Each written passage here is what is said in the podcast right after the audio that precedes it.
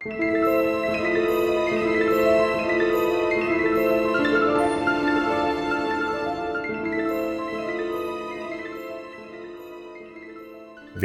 til Forlæst. Podcasten, hvor vi lytter os tilbage i tiden på jagt efter de fortællinger, som stadig kan vækkes til live. Mit navn er Bjarke Sølverbæk, og jeg er din rejsefører gennem den dansksprogede litteraturhistorie. I dette afsnit fortsætter vi vores rejse gennem forlæggene til Disneys tegnefilmsklassikere, hvor vi er nået til Djunglebogen fra 1967. Sidste gang læste vi den anden af fortællingerne om Mowgli, hvor vi mødte slangen Kar og de usiviliserede aber, der bortførte Mowgli, og Baloo og Bagheera var parat til at risikere deres liv for at redde ham. På trods af, at han er forældreløs, skorter det aldrig på hengivende voksne, der ved drengen det bedste, og det er nok også en af grundene til, at historierne har tiltalt så mange generationer af børn. Mowglis jungle er på en gang et farligt og vildt sted, fyldt med eventyr, og et sted med omsorgsfulde voksne, der hjælper Mowgli, når han har brug for det. I dag læser vi den tredje fortælling om Mowgli, der foregår umiddelbart efter Mowgli forlader junglen. Tiger, tiger. God fornøjelse.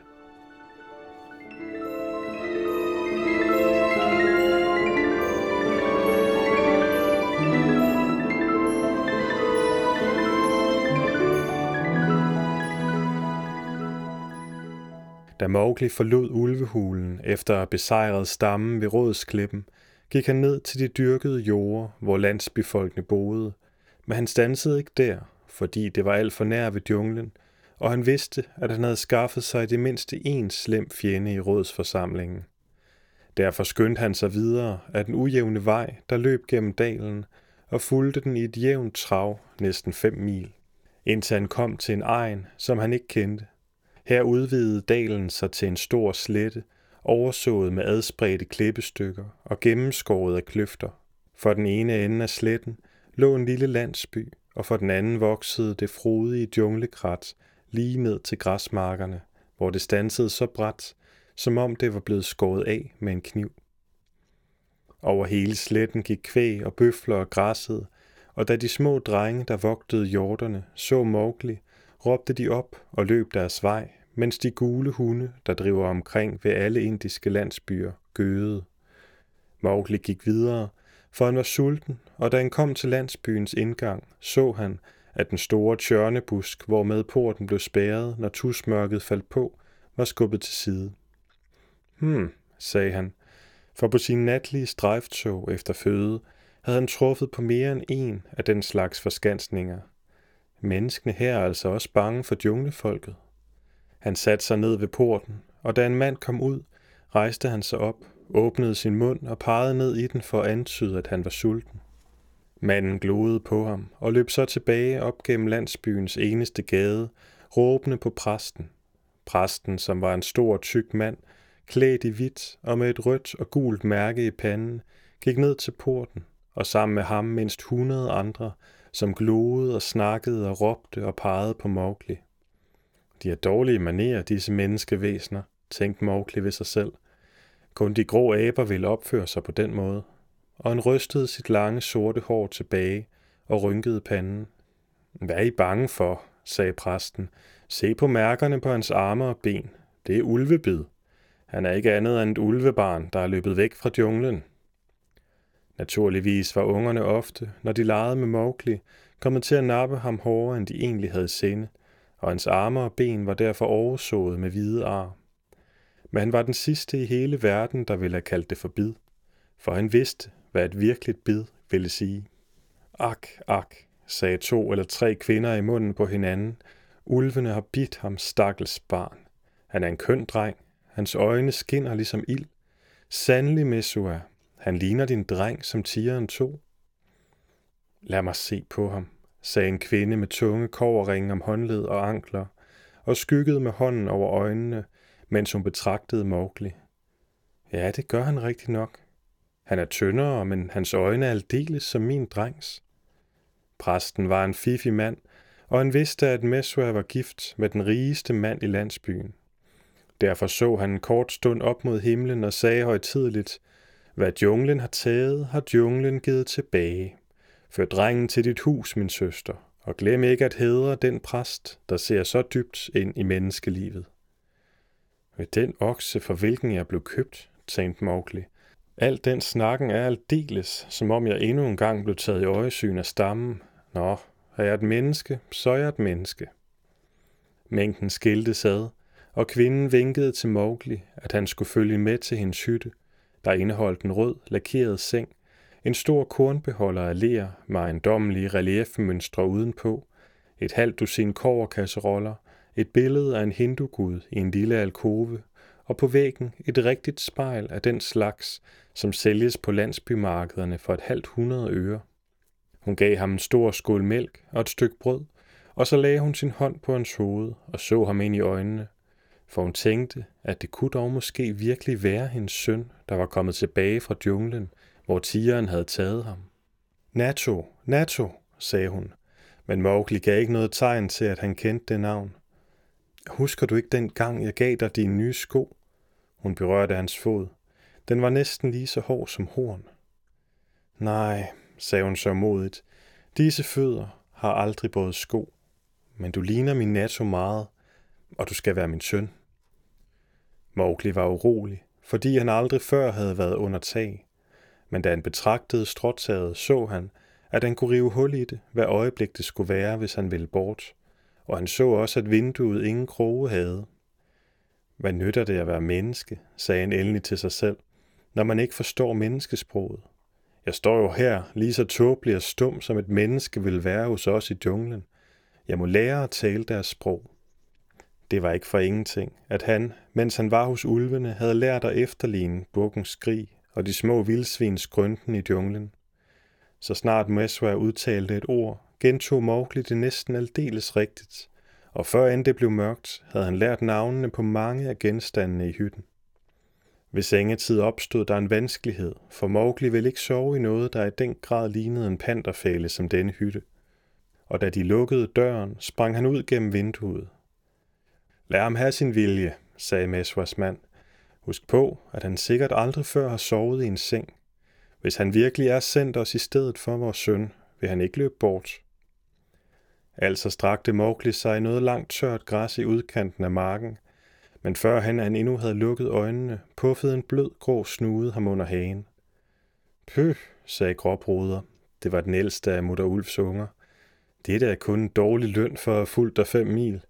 Du lugter allerede af brænderøg og kvæg, aldeles ligesom et menneske. Vågn op, lille broder, jeg har nyt at melde. Har I det alle godt i junglen? sagde Mowgli og omfavnede ham. Alle, undtagen de ulve, som blev svidet af den røde blomst. Men hør nu, Shere Khan er gået sin vej for at jage langt bort, indtil hans pels er blevet helt igen, for han blev slemt forbrændt. Og han sværger på, at når han kommer tilbage, vil han kaste dine knogler i Wangunga. Det skal vi være to om. Jeg har også givet et lille løfte, men det er altid godt at høre nyt. Jeg er træt i aften. Meget træt af alt det nye, jeg har oplevet, gråbruder. Men bring mig stadig de nyheder, du får at høre. Og du glemmer jo ikke, at du er en ulv. Menneskene vil ikke få dig til at glemme det, sagde gråbruder ængstligt. Aldrig. Jeg vil aldrig glemme, at jeg elsker dig og alle derhjemme i hulen. Men jeg vil heller aldrig glemme, at stammen har udstødt mig. Måske bliver du også udstødt af denne stamme.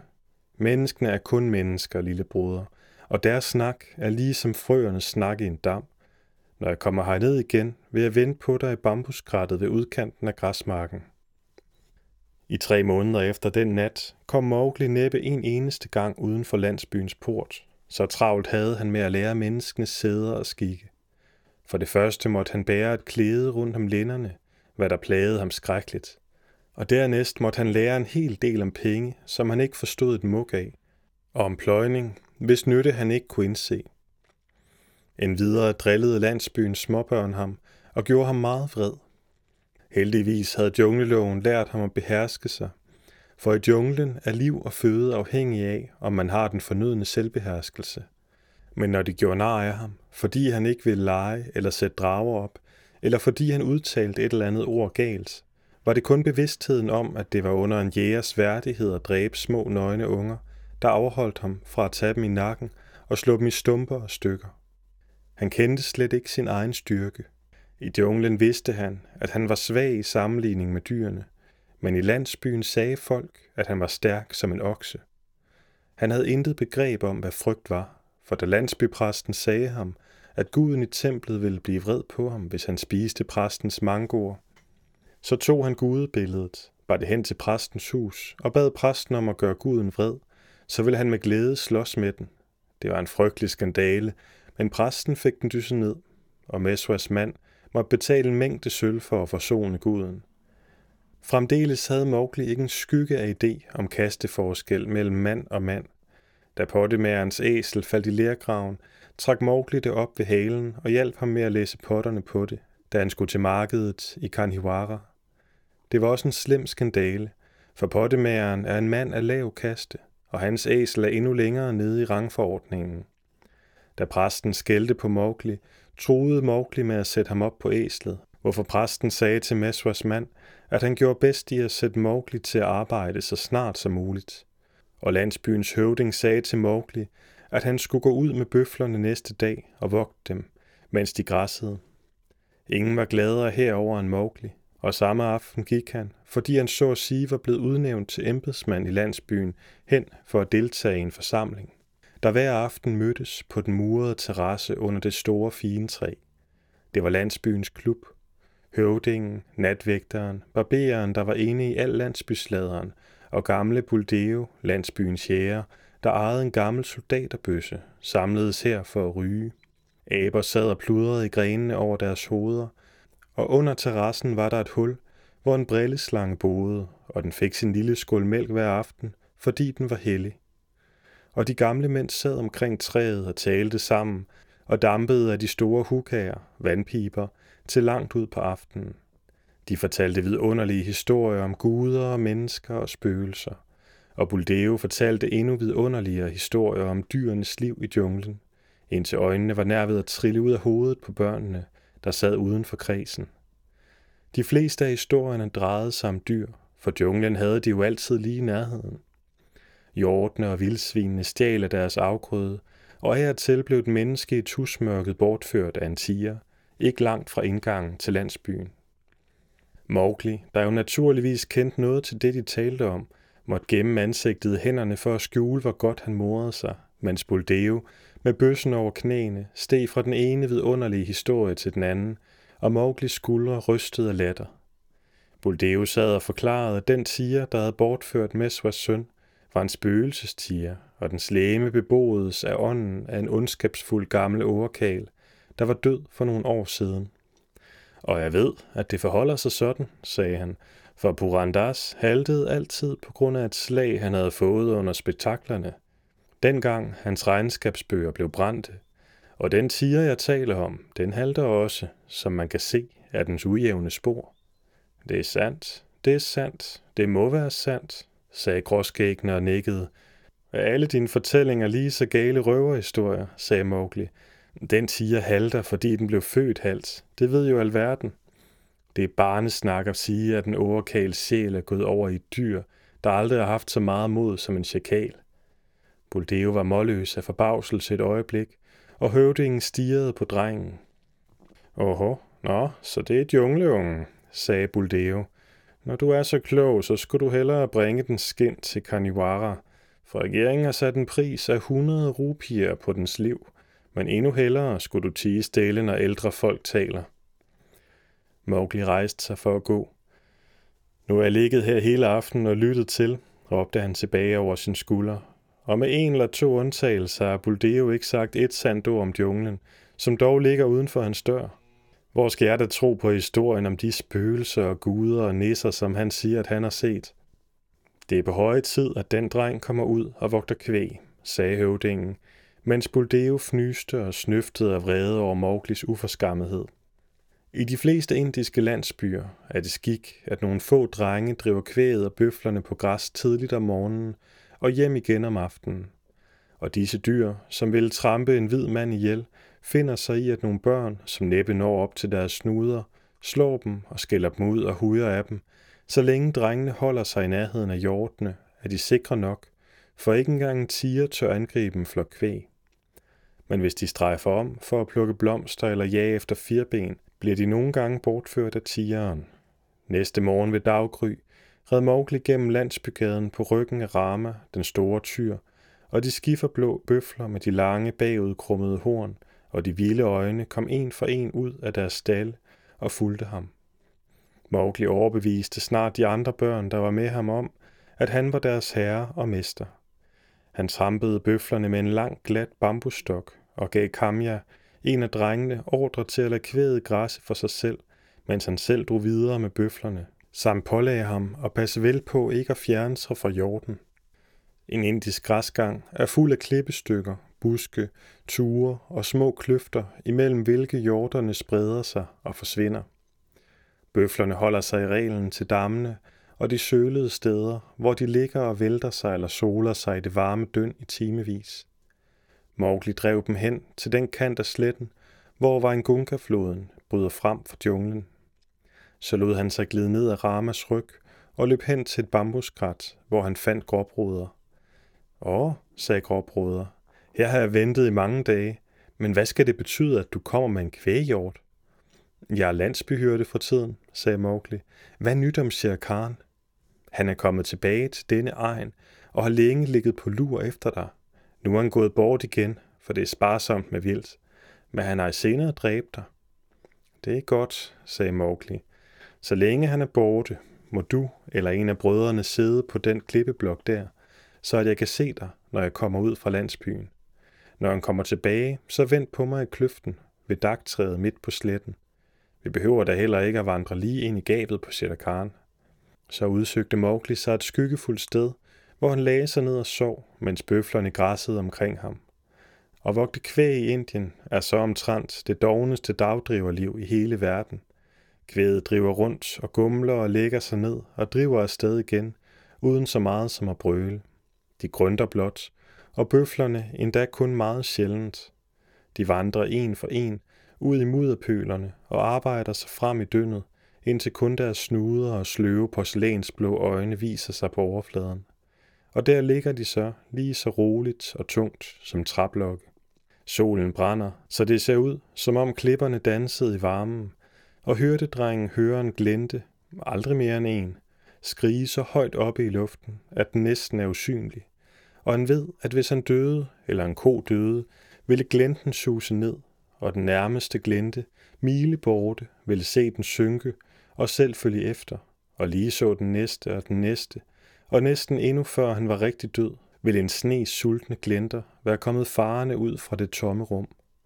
Så sover han og vågner og sover igen, fletter små kurve af tørt græs og putter græshopper i dem eller laver sig et halsbånd af røde og sorte nødder fra junglen, eller jagter et firben, der soler sig på en klippeblok, eller en slange, der jager en frø nede ved sumpen.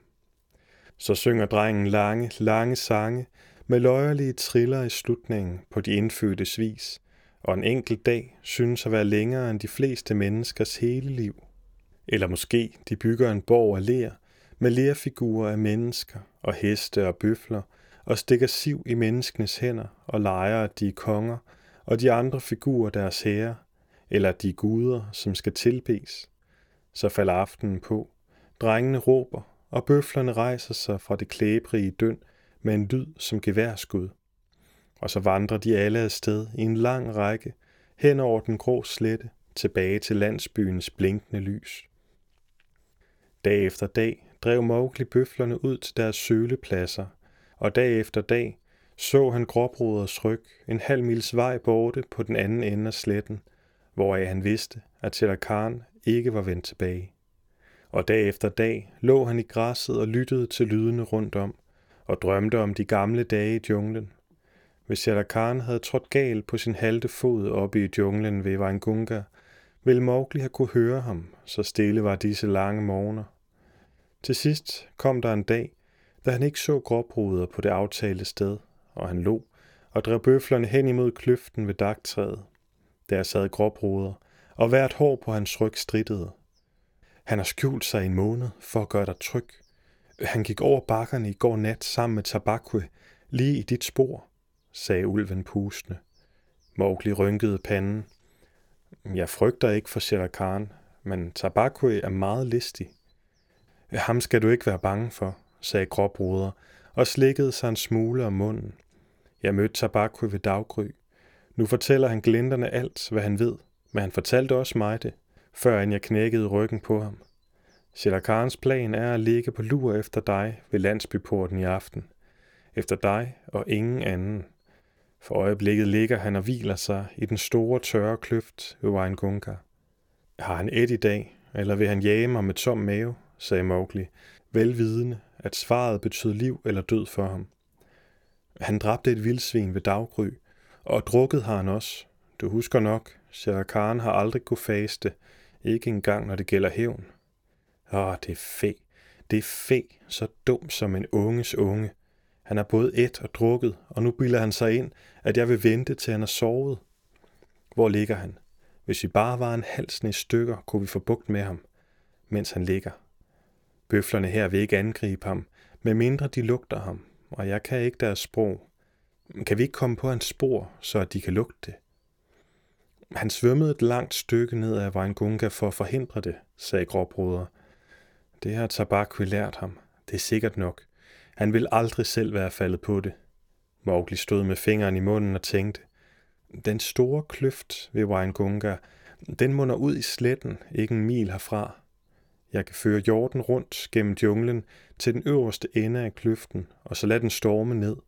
Men så vil han luske ud af den nederste ende. Den må vi spære.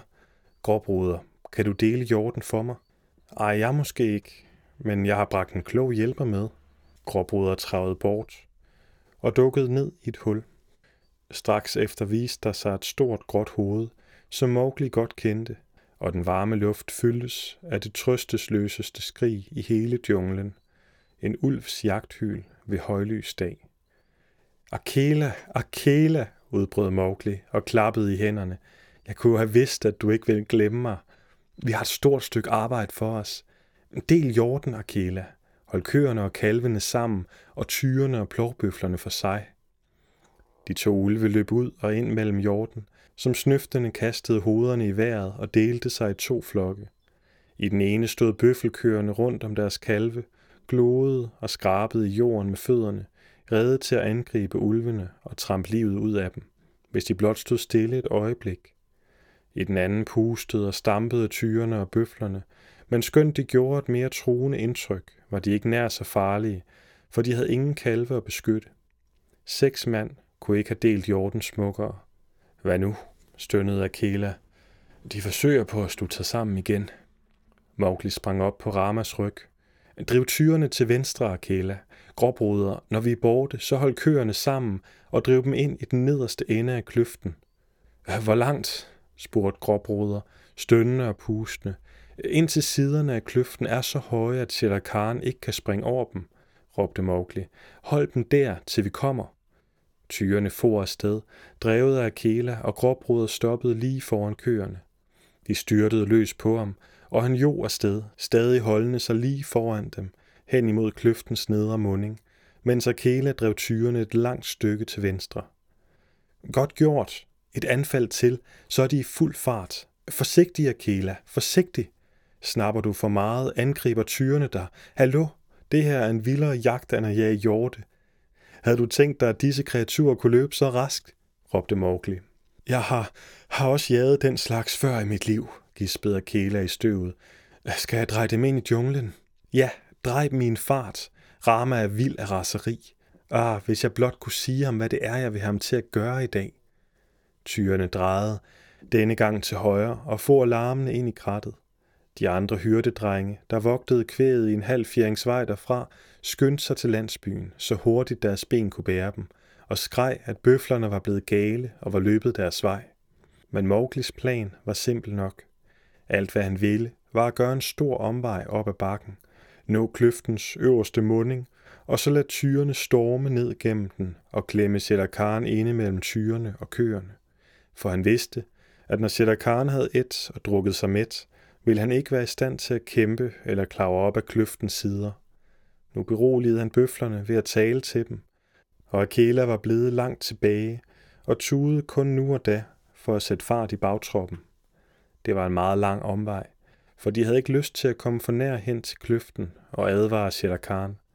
Til sidst drejede Mowgli den forskræmte hjort ud på en græsklædt plet, som skrånede stejlt ned mod kløftens øverste munding.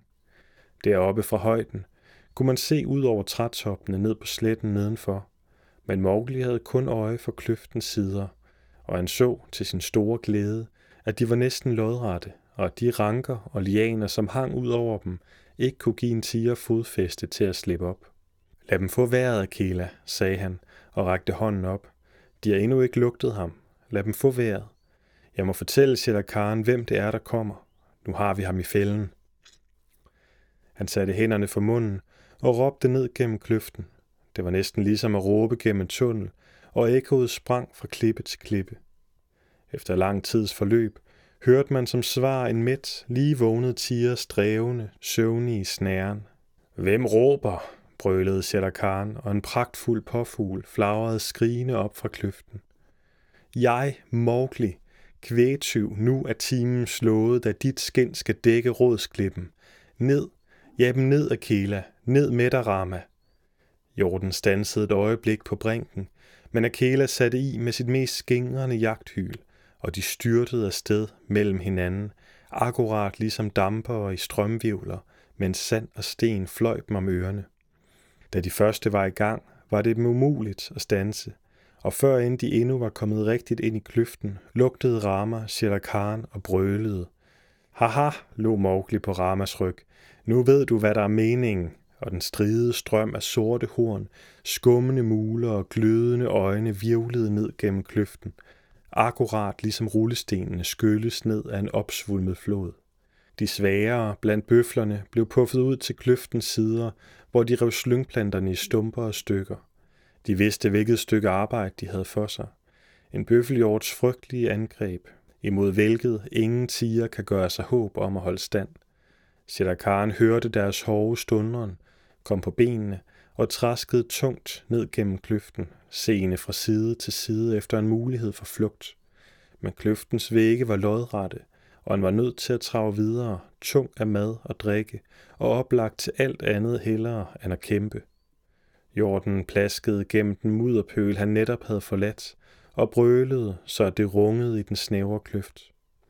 Mowgli hørte et svarende brøl fra kløftens nederste ende, så Shere Khan gøre omkring, for tigeren vidste godt, at i værste tilfælde var det dog bedre at møde tyrene end køerne med deres kalve, og så trådte Rama fejl, snublede og løb videre igen over noget blødt, indtil den efterfulgte alle tyrene brasede lige ind i den anden hjort, og så stærkt var sammenstødet, at de svagere bøfler blev løftet helt op fra jorden. Stødet førte begge hjorter ud på sletten, hvor de stangede og stampede og fnyste. Mowgli så sit snit, gled ned ad Ramas ryg og slog om sig til højre og venstre med sin stok. Rask Akela, spred dem, split dem, ellers giver de sig til at kæmpe med hinanden indbyrdes. Driv dem fra hinanden, Akela. Så Rama, så. Stille børn, rolig, bare rolig, nu er det hele forbi. Akela er gråbruder, løb hid og did og nappede bøflerne i benene, og skønt jorden endnu en gang drejede rundt for at fare op igennem kløften, lykkedes det dog Mowgli at få Rama til at gøre omkring, og så fulgte de andre ham ned til sølepladserne. Sjælakaren trængte ikke til mere. Han var død, og glenterne flokkedes allerede om ham. Brødre, han døde som en hund, sagde Mowgli, og greb efter den kniv, som han nu, da han levede blandt menneskene, altid bar i en skede om halsen.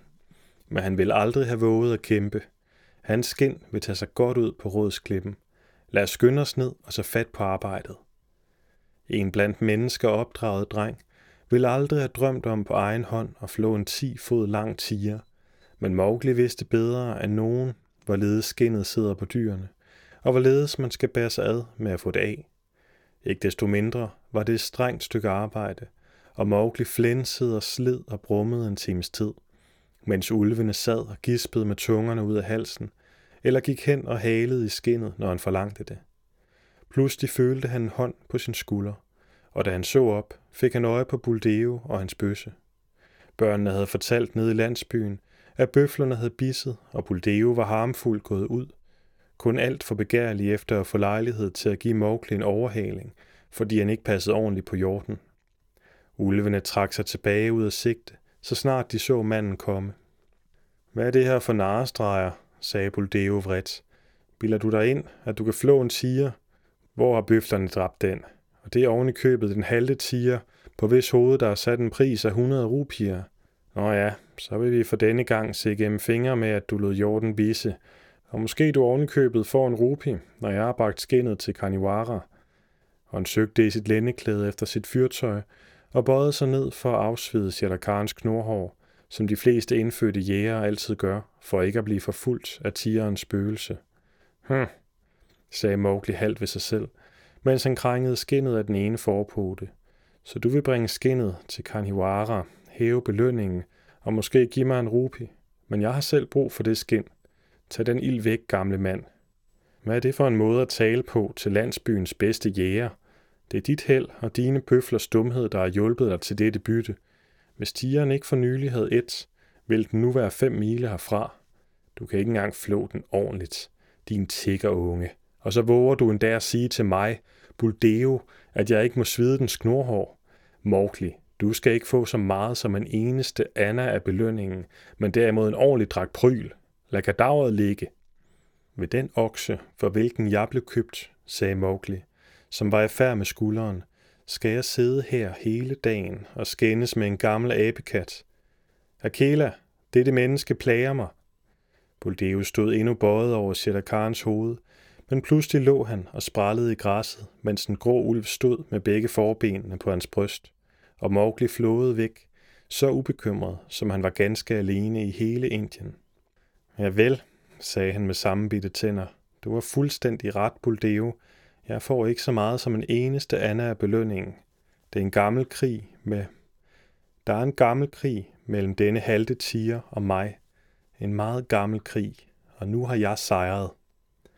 For at vise Buldeo retfærdighed, må vi sige, at hvis han havde været 10 år yngre, ville han have taget kampen op med Akela, hvis han havde mødt den i skoven.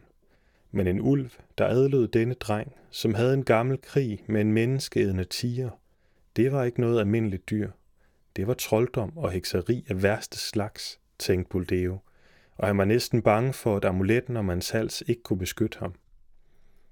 Han lå ganske stille og ventede hvert øjeblik at se Mowgli forvandle sig til en tiger. Maharaj, store konge, viskede han endelig hæst. Ja, sagde Mowgli, uden at vende hovedet, men han lå ved sig selv. Jeg er en gammel mand.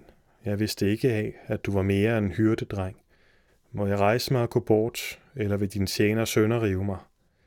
Gå, og fred være med dig, men bland dig ikke en anden gang i min jagt. Slip ham, Akela. Buldeo humpede afsted til landsbyen, så hurtigt han kunne, og så sig flere gange tilbage over skulderen, om ikke Mowgli havde forvandlet sig til et eller andet frygteligt uhyre. Da han nåede landsbyen, fortalte han en historie om trolddom og hekseri og fortryllelse, som fik præsten til at sætte et meget alvorligt ansigt op. Mowgli fortsatte sit arbejde, men det var næsten tusmørke, for end han og ulvene blev færdige med at trække det store, spraglede skin af kadaveret. Nu må vi gemme skinnet og drive bøflerne hjem. Hjælp mig med at samle dem, Akela. Jorden marcherede sted i tusmørket og aftensågen, og da de kom i nærheden af landsbyen, så Mowgli lys og hørte, at der blev blæst i horn og ringet med klokker i templet. Den halve landsby syntes at vente på ham ved porten. Det er fordi, jeg har dræbt Shere Khan, sagde han til sig selv. Men i det samme susede en havl af sten om ørerne på ham, og landsbefolkene råbte, Troldmand, ulveunge, djungledjævel, gå din vej, skynd dig afsted, eller præsten skal forvandle dig til en ulv igen. Skyd, Buldeo, skyd! Den gamle soldaterbøsse knallede, og en ung bøffel brølede af smerte. Mere trolddom, råbte landsbefolkene. Han kan dreje kuglerne til siden. Buldeo, det var din egen bøffel. Hvad skal dette betyde? sagde Mowgli forvirret, mens stenene fløj tættere. De ligner vor egen stamme, disse dine brødre, sagde Akela, og satte sig roligt ned. Jeg tror, at hvis kugler har noget at betyde, så er meningen den, at de vil udstøde dig. Ulve, ulveunge, gå din vej, råbte præsten og svang en kvist af den hellige tulsiplante. Igen, sidste gang var det fordi, jeg var et menneske. Denne gang er det fordi, jeg er en ulv. Lad os gå, Akela. En kvinde, Det var Meswa, løb hen imod jorden og råbte, Åh, min søn, min søn, de siger, at du er en troldmand, og at du kan forvandle dig til et dyr, når du vil, men jeg tror det ikke. Gå din vej, eller stræber de dig. Buldeus siger, at du er en heksemester, men jeg ved, at du har hævnet Natos død. Kom tilbage, Meswa, råbte skaren. Kom tilbage, eller stener vi dig. Mowgli lå en kort, hård latter, for en sten havde ramt hans mund. Løb tilbage, Meswa. Det er en af de tåbelige historier, som de fortæller om aftenen under det store træ. Jeg har i det mindste hævnet din søns død. Farvel. Og løb rask til, for jorden skal komme hurtigere ind end de stene, de kaster efter mig. Jeg er ikke nogen troldmand, Meswa. Farvel. Nu en gang til, Akela, råbte han så. Jorden skal ind. Bøflerne var ivrige nok efter at komme ind i landsbyen. Der behøvedes derfor næppe et hyl af Akela, før end de for som en virvelvind gennem porten og splittede menneskemængden til højre og venstre. Tæl dem godt, for jeg agter ikke at vogte mere for jer. Lev vel i mennesker, og tak i Mesra for, at jeg ikke kommer med mine ulve og jager jer op og ned af jeres egne gader. Han drejede sig om på hælen og vandrede bort sammen med den ensomme ulv, og da han så op mod stjernerne, følte han sig lykkelig til mode. Aldrig vil jeg mere sove i fælder, Akela. Lad os hente Sætter Karns skin og gå vor vej. Nej, vi vil ikke gøre landsbyen nogen skade, for Mesva var god imod mig. Da månen stod op og sendte sine stråler ud over sletten, så de forfærdede landsbyfolk Mowgli med to ulve i hælene på sig og en bylds på hovedet, trave sted i det jævne ulvetrav, der fortærer de lange mil, lige så hurtigt som ild fortærer tørt græs. Så ringede de med tempelklokkerne og blæste i hornene højere end nogensinde. Og Mesra græd, og Buldeo pyntede på fortællingen om, hvad han havde oplevet i junglen, indtil han endte med at sige, at Akela havde rejst sig på bagbenene og snakket som et menneske. Månen var netop ved at gå ned, da Mowgli og de to ulve nåede bakken med rødsklippen og stansede ved mutter Ulvs hule. De har stødt mig ud af menneskestammen, moder, råbte Mowgli. Men her kommer jeg med Shere skin for at holde mit ord. Mutter Ulv krøb med noget besvær ud af hulen, med ungerne efter sig, og hendes øjne glødede, da hun så skinnet. Jeg sagde ham det den dag, da han stak hovedet og skuldrene her ind i hulen på jagt efter dig, lille frø. Jeg sagde ham, at jægeren ville blive den jagede. Du har handlet rigtigt. Lille bruder, du har handlet rigtigt, sagde en dyb stemme ind i krattet. Det var ensomt for os i junglen uden dig. Og Bagheera kom løbende og lagde sig for Mowglis nøgne fødder. Så klavrede de sammen op på rådsklippen, og Mowgli bredte skinnet ud over den flade sten, hvor Akela plejede at sidde, og stak det fast med fire bambuspinde. Og Akela lagde sig ned på skinnet og råbte, som når han i fordums tid kaldte ulvene sammen til rådet. Se jer vel for, o ulve! Aldeles som man havde råbt, da Mowgli første gang blev bragt til rådsklemmen. Lige siden Akela var blevet afsat, havde stammen været uden høvding, og ulvene havde jaget og kæmpet, som de selv havde lyst. Men af gammel vane adlød de råbet. Nogle af dem var halte, fordi de var faldet i fælder. Andre hinkede på grund af skudsår. At andre var skabede, fordi de havde et dårligt føde, og mange var døde. Men alle de, der var til overs, samlede som rådsklippen og så Shadakans stribede skin ligge på klippen, og de vældige klør på fødderne, der hang ud over randen. Se jer vel for, ulve, har jeg holdt mit ord, sagde Mowgli, og ulvene bjeffede ja, og en skambit ulv hylede. Vær vor høvding igen, o Akela, vær vor høvding igen, o menneskeunge, for vi er lede og kede af denne lovløshed, og vi vil gerne være det frie folk igen. Nej, knurrede Bagheera, det kan ikke ske. Når I blev mætte, kunne galskaben måske komme over jer igen. Det er ikke for intet, at I kaldes det frie folk. I har kæmpet for at vinde frihed, og den er jeres. Nu må I æde den, o ulve. Menneskestammen og ulvestammen har begge drevet mig fra sig, sagde Mowgli. Nu vil jeg jage alene i junglen. Og vi vil jage med dig, sagde de fire unger. Derfor gik Mowgli bort og jagede fra den dag af i junglen sammen med de fire unger.